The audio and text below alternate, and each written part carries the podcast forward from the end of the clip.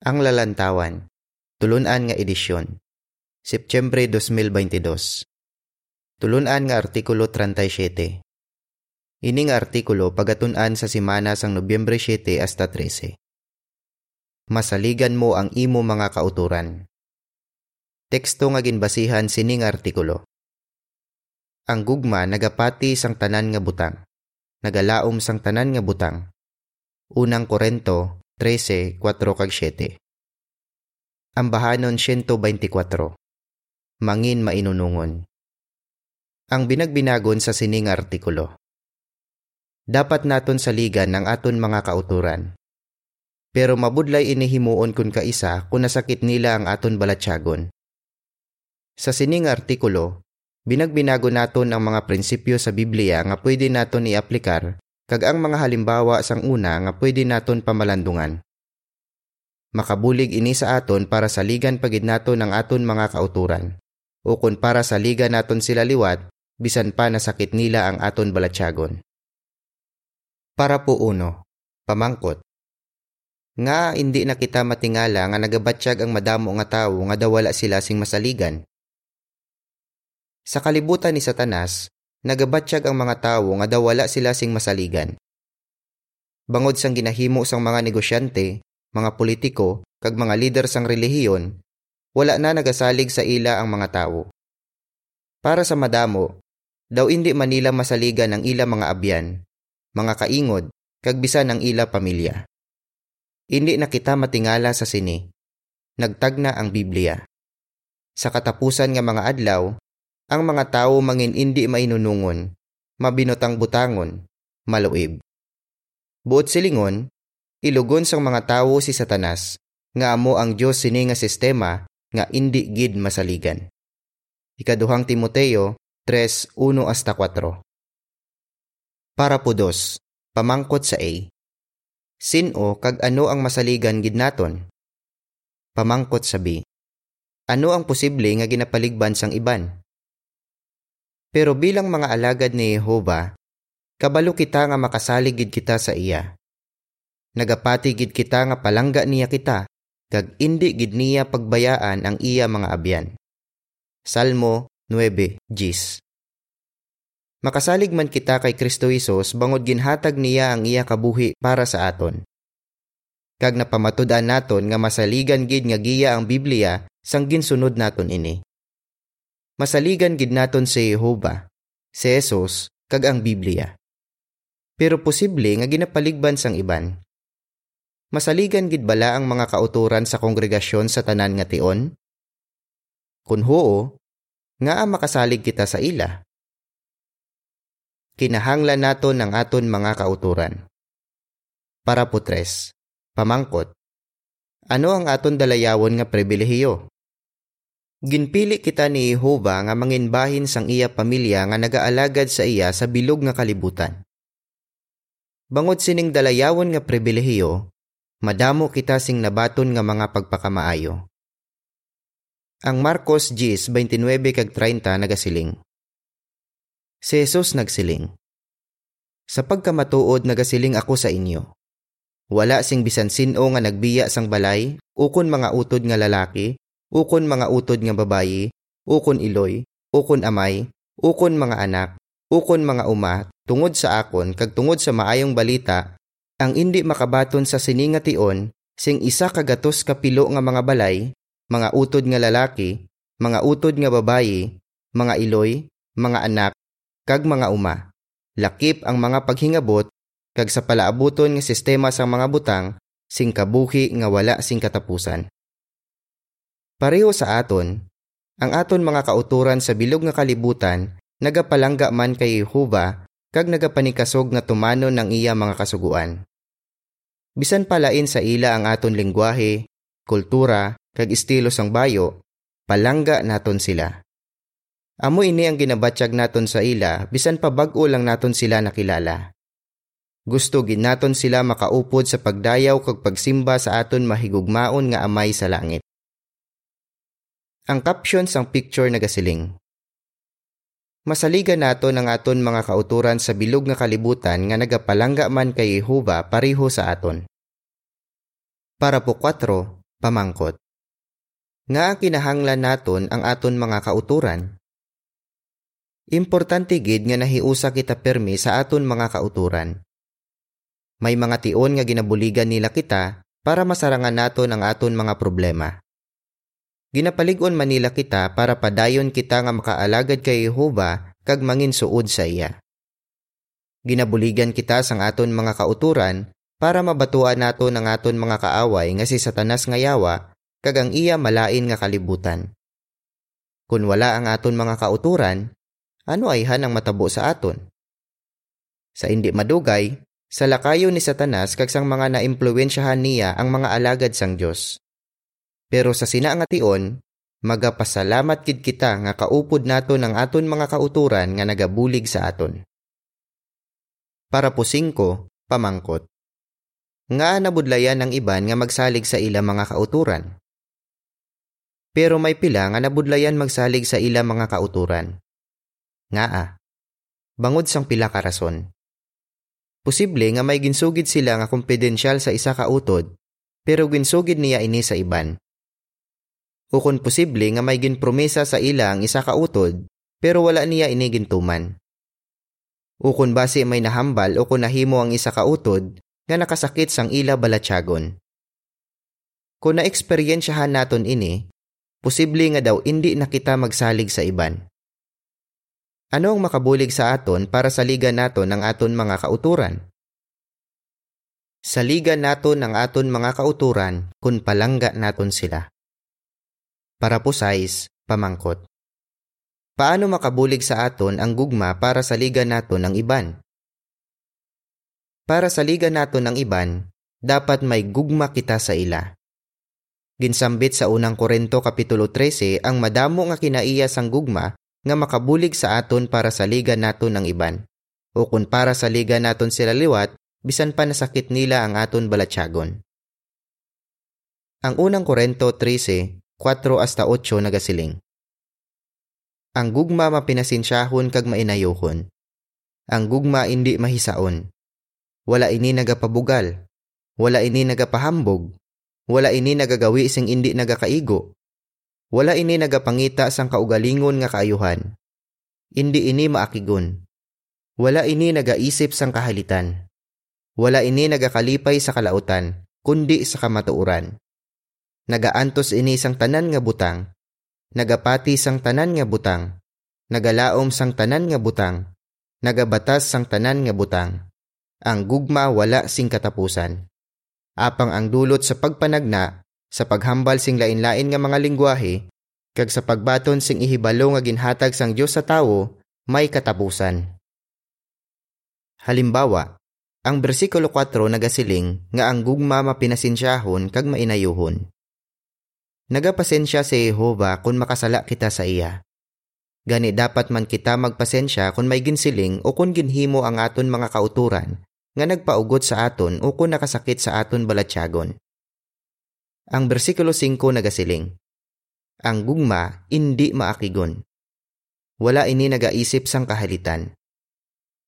Hindi naton gusto nga isipon ang kahalitan o kung permi dumdumon ang tanan nga sala nga nahimo sa aton sang aton mga kauturan.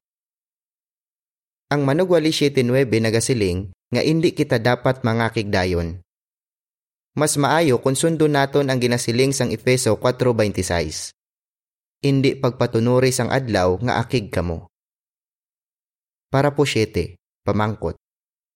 Paano makabulig sa aton ang mga prinsipyo sa Mateo 7.1 hasta 5 para sa liga naton ang iban? Saligan man nato ng aton mga kauturan, kung tamdo naton sila pareho sa pagtamod ni Jehova sa ila. Palangga sila sang Diyos, kag wala niya ginabantayan ng ila mga sala. Ilugo naton si Jehova. Imbis nga magpokus kita sa ila mga sala, dapat naton panikasugan nga makita ang ila maayo nga mga kinaiya, kag huna-hunao naton nga may ikasarang sila sa paghimo sang maayo. Ang Mateo 7, 1 hasta 5 nagasiling. Untatin ninyo ang paghukom agud indi kamo paghukman sang Dios. Kay kun paano kamo nagahukom, amo man ang paghukom sang Dios sa inyo. Kag kun ano nga talaksan ang ginagamit ninyo sa iban, amo man nga talaksan ang gamiton nila sa inyo. Gani, nga ginatalopangod mo ang lagami sa mata sang imuutod, hapang wala mo ginatalopangod ang balayan sa imo mata. Ukon, paano mo masiling sa imuutod? Ipakuha sa akon ang lagami sa imo mata, samtang may balayan sa imo mata. Salimpapaw, kuha anay ang balayan sa imo mata, agud makakita kasing maayo sa pagkuha mo sing dagami sa mata sang imuutod.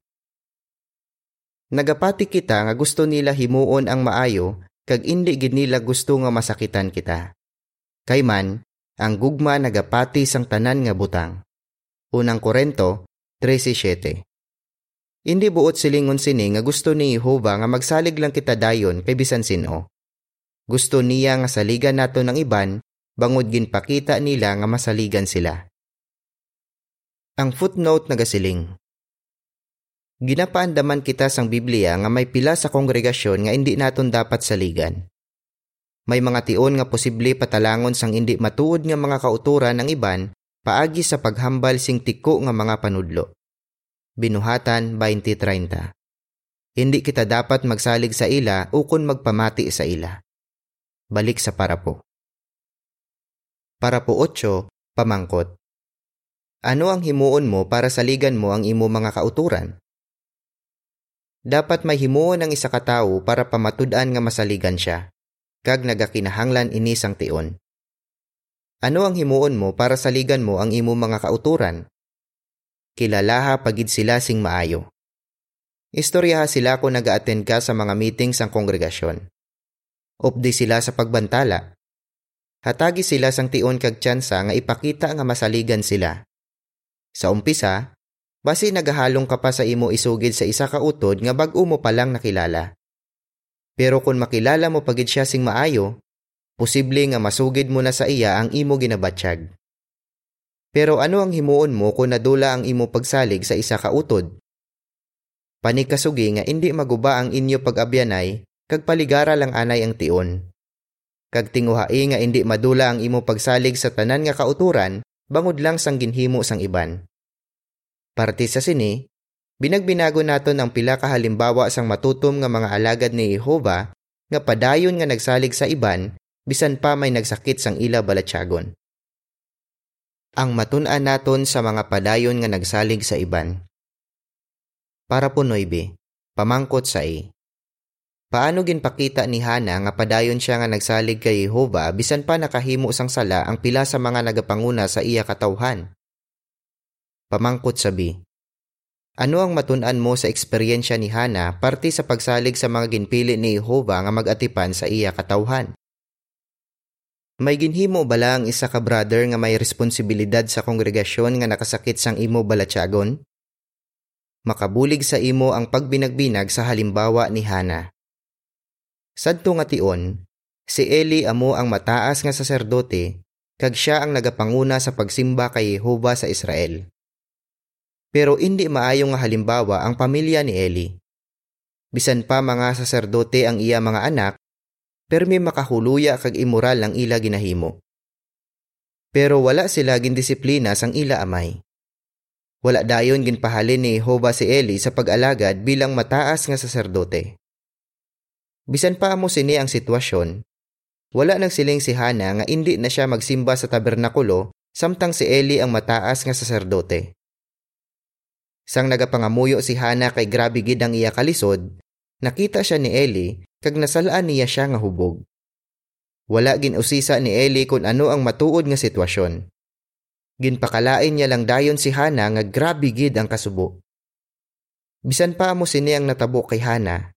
Handa siya nga tumanon ang iya ginpanaad nga kung makabata siya sing lalaki, dalhon niya sa tabernakulo ang iya bata para mag-alaga didto kag si Eli ang magaatipan sa iya bata. Kamusta naman ang mga anak ni Eli? Dapat gid sila disiplinahon.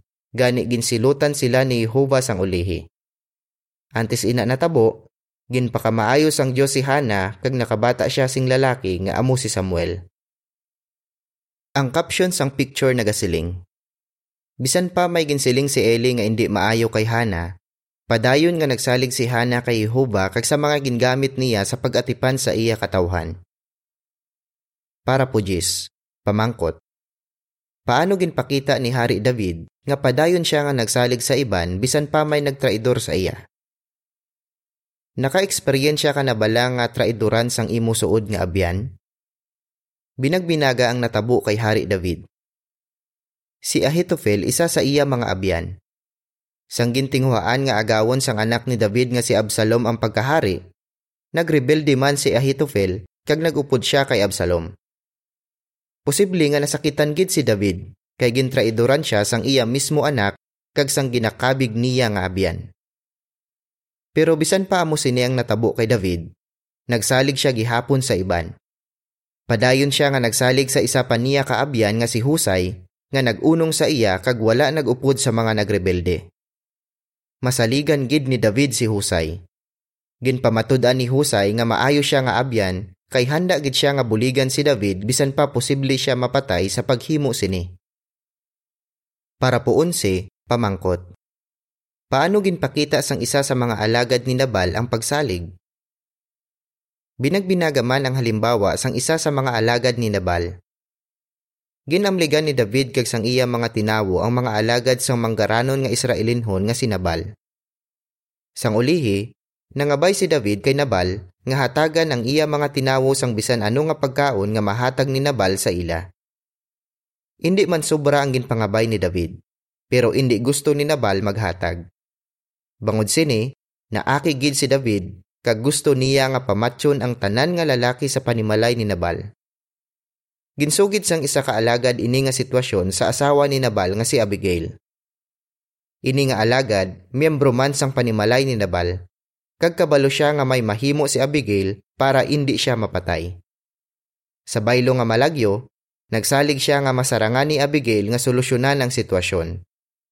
Posible nga nagsalig gid siya kay nabalaan sang tanan nga si Abigail isa ka maalam nga babayi. Wala gid siya nagsala sa pagsalig kay Abigail. Nagpakita sang kaisog si Abigail paagi sa pagpugong kay David sa iya gusto himuon. Nagsalig si Abigail nga himuon ni David kung ano ang husto. Para po 12, pamangkot. Paano ginpakita ni Jesus nga ginsaligan niya ang iya mga disipulo bisan pa nakahimo sila sang sala? Ginsaligan ni Jesus ang iya mga disipulo bisan pa nakahimo sila sang sala. Isa ka bes, Ginpangabay ni Santiago kag ni Juan nga hatagan sila ni Jesus ang espesyal nga posisyon sa ginharian. Pero wala ginhuna-huna ni Jesus nga malain ang ilang motibo sa pag-alagad kay Jehovah. Kag padayon niya sila nga ginkabig nga mga apostoles. Sang gabi nga gindakop si Jesus, ginbiyaan siya sang tanan niya nga disipulo. Pero wala gid nadula ang pagsalig ni Jesus sa ila. Kabalo siya nga may mga kaluyahon sila pero padayon niya nga ginhigugma sila tubtub sa katapusan. Juan 13.1 Pagkatapos mabanhaw si Jesus, ginhatagan pagani niya sang importante nga responsibilidad ang iya unse ka matutom nga apostoles. Pangunahan nila ang pagtudlo sa mga tawo para mangin disipulo sila, kag atipanon nila ang iya pinalangga nga mga alagad. Wala gid siya nagsala sa pagsalig sa ila bisan pa indi sila perpekto. Kayman, Nag-alagad sila tanan sing matutom hasta sa ila kamatayon. Gani maayo gid nga halimbawa si Hana, si David, ang alagad ni Nabal, si Abigail, kag si Jesus, parte sa pagsalig sa indi perpekto nga mga tawo. Tinguhai nga saligan liwat ang mga kauturan. Para po 13, pamangkot. Ano ang isa ka rason kung nga adaw indi naton pagsaligan ng iban? Na-eksperyensyahan mo na bala nga may ginsugid ka nga kompedensyal sa isa ka utod, pero nabalaan mo sang ulihi nga ginsugid niya ini sa iban? Posible nga nagalalain kagid. Amo ini ang na-eksperyensyahan sang isa ka sister. May ginsugid siya nga kompedensyal sa isa ka gulang. Pagkadason nga adlaw, gintawgan sang asawa sang gulang ang sister para paligunon siya. Kag daw nabalaan sang asawa ang ginsugid sang sister sa gulang. Bangod sini, daw indi nagid magsalig ang sister sa sini nga gulang. Pero maayo lang kay nangayo gihapon sang bulig ang sister sa iban. Nagpalapit siya sa isa pa kagulang, kagin buligan niya siya nga indi madula ang iya pagsalig sa mga gulang. Para po 14, pamangkot. Ano ang nakabulig sa isa ka brother para saligan liwat ang iban? Madugay na nga nagalain ang buot sang isa ka brother sa duha ka gulang nga daw indi gid niya masaligan. Pero ginpaminsaran niya ang ginsiling sang isa ka utod nga ginarespeto gid niya. Amoy ni ang ginsiling sang utod. Si Satanas ang aton kaaway, hindi ang aton mga kauturan. Simple lang ini pero nagpahuna-huna gid ini sa iya. Ginpamalandungan niya ini sing maayo, kaginhuna-huna niya kung ano ang dapat niya himuon. Nangamuyo siya kay Jehova nga buligan siya. Sang ulihi, nagayuhay sila liwat sang duha ka gulang. Para po 15, pamangkot. Nga posible nga kinahanglan ang tion para sa liga naton liwat ang iban. Maghatag sing halimbawa. Naeksperyensyahan mo bala nga madulaan sang pribilehiyo? Posible nga masakit gid ini batyagon. Naeksperyensyahan ini sang isa ka sister nga si Grete. Matutom nga mga saksi sa Nazi Germany si Grete kag ang iya iloy sang gindumilian ang aton hilikoton antes ang bugos kalibutan nga inaway dos. Nalipay si Grete sa iya pribilehiyo nga mag-type sang mga kopya sang ang lalantawan para sa iya mga kauturan. Pero sang nabalaan sang mga brother nga ang iya amay nagapamatok sa mga saksi, wala na nila ginhatag ini nga pribilehiyo sa iya. Ginhuna-huna sa mga brother nga base isugid sang iya amay sa mga nagapamatok ang mga impormasyon parte sa kongregasyon. Pero hindi lang amo sini ang ginbatas ni Grete. Sa tiun sang bugos kalibutan nga inaway dos, wala ginahatagan sa mga brother si Grete kag ang iya iloy sang mga magasin. Kag wala man sila ginabugno sa mga brother kung magsugat anay sila sa dalan. Grabe gid kasakit sang nabatyaga ni Grete. Nagsiling siya nga napatawad lang niya ini nga mga brother kagin sa liga niya sila liwat pagligad sang malawig nga teon. Narealisar niya nga ginpatawad na sila ni Jehova, gani dapat maniya sila patawaron. Para po 16, pamangkot. Nga dapat kinaton tinguhaan nga saligan ng aton mga kauturan. Kung may nakasakit man sang imo balatyagon, tinguhai nga hindi madula ang imo pagsalig sa imo mga kauturan Posible nga nagakinahanglan ini sang tion. Pero malipay kagid kung himuon mo ini. Binagbinaga ini nga ilustrasyon.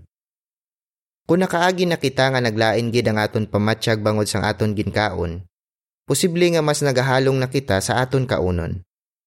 Pero hindi buot silingon nga hindi nagid kita magkaon bangod lang sang isa ka tion nga naglain ang aton pamatsyag sa aton ginkaon. Gani indi man naton pagdulaon ang aton pagsalig sa tanan naton nga kauturan, bangod lang sang isa ka tion nga may nakasakit sang aton balatyagon. Kabalo kita nga indi perpekto ang aton mga kauturan. Kunting huaan naton nga saligan liwat ang aton mga kauturan, mangin malipayon pagid kita. Kag mas makapukos kita sa aton mabulig para indi madula ang pagsalig sang mga kauturan sa kada isa. Para po 17, pamangkot. Nga importante gid ang pagsalig kag ano ang binagbinago naton sa masunod nga artikulo. Mabudlay makakita asang masaligan sa kalibutan ni Satanas. Pero masaligan naton ang aton mga kauturan bangod palangga naton sila kag palangga nila kita. Bangod may pagsalig kita sa isa kag isa, malipayon kita kag nahiusa. Mangin proteksyon man ini sa aton kung maka-eksperyensya kita sang mabudlay nga kahimtangan sa palaabuton. Ano ang dapat mo himuon kung nasakit sang isa ka utod ang imo balatyagon kag wala ka nasalig sa iya? Panikasugi nga mailog ang pagtamod ni Jehova. Sunda ang mga prinsipyo sa Biblia. Palangga apagid ang imo mga kauturan, kag magtuon sa mga halimbawa sa Biblia. Masara nga naton dulaon ang kasakit nga aton nabatyagan kag saligan liwat ang aton mga kauturan. Kung himuon naton ini, magadamo pagid ang aton abyan nga masuod pa sang sa isa ka utod. Hulubaton 18.24 Dapat naton saligan ng iban, pero dapat masaligan Manila kita. Sa masunod nga artikulo, binagbinago naton kung paano naton mapamatudan sa aton mga kauturan nga masaligan nila kita. Ano ang imo sabat? Nga dapat naton saligan ang aton mga kauturan ano nga mga halimbawa sa Biblia ang makabulig sa aton para padayon naton nga saligan ng iban? Ano ang himuon mo kung nadula ang imo pagsalig sa isa ka utod? Ambahano 99. Madamo nga kauturan. Diri natapos ang artikulo.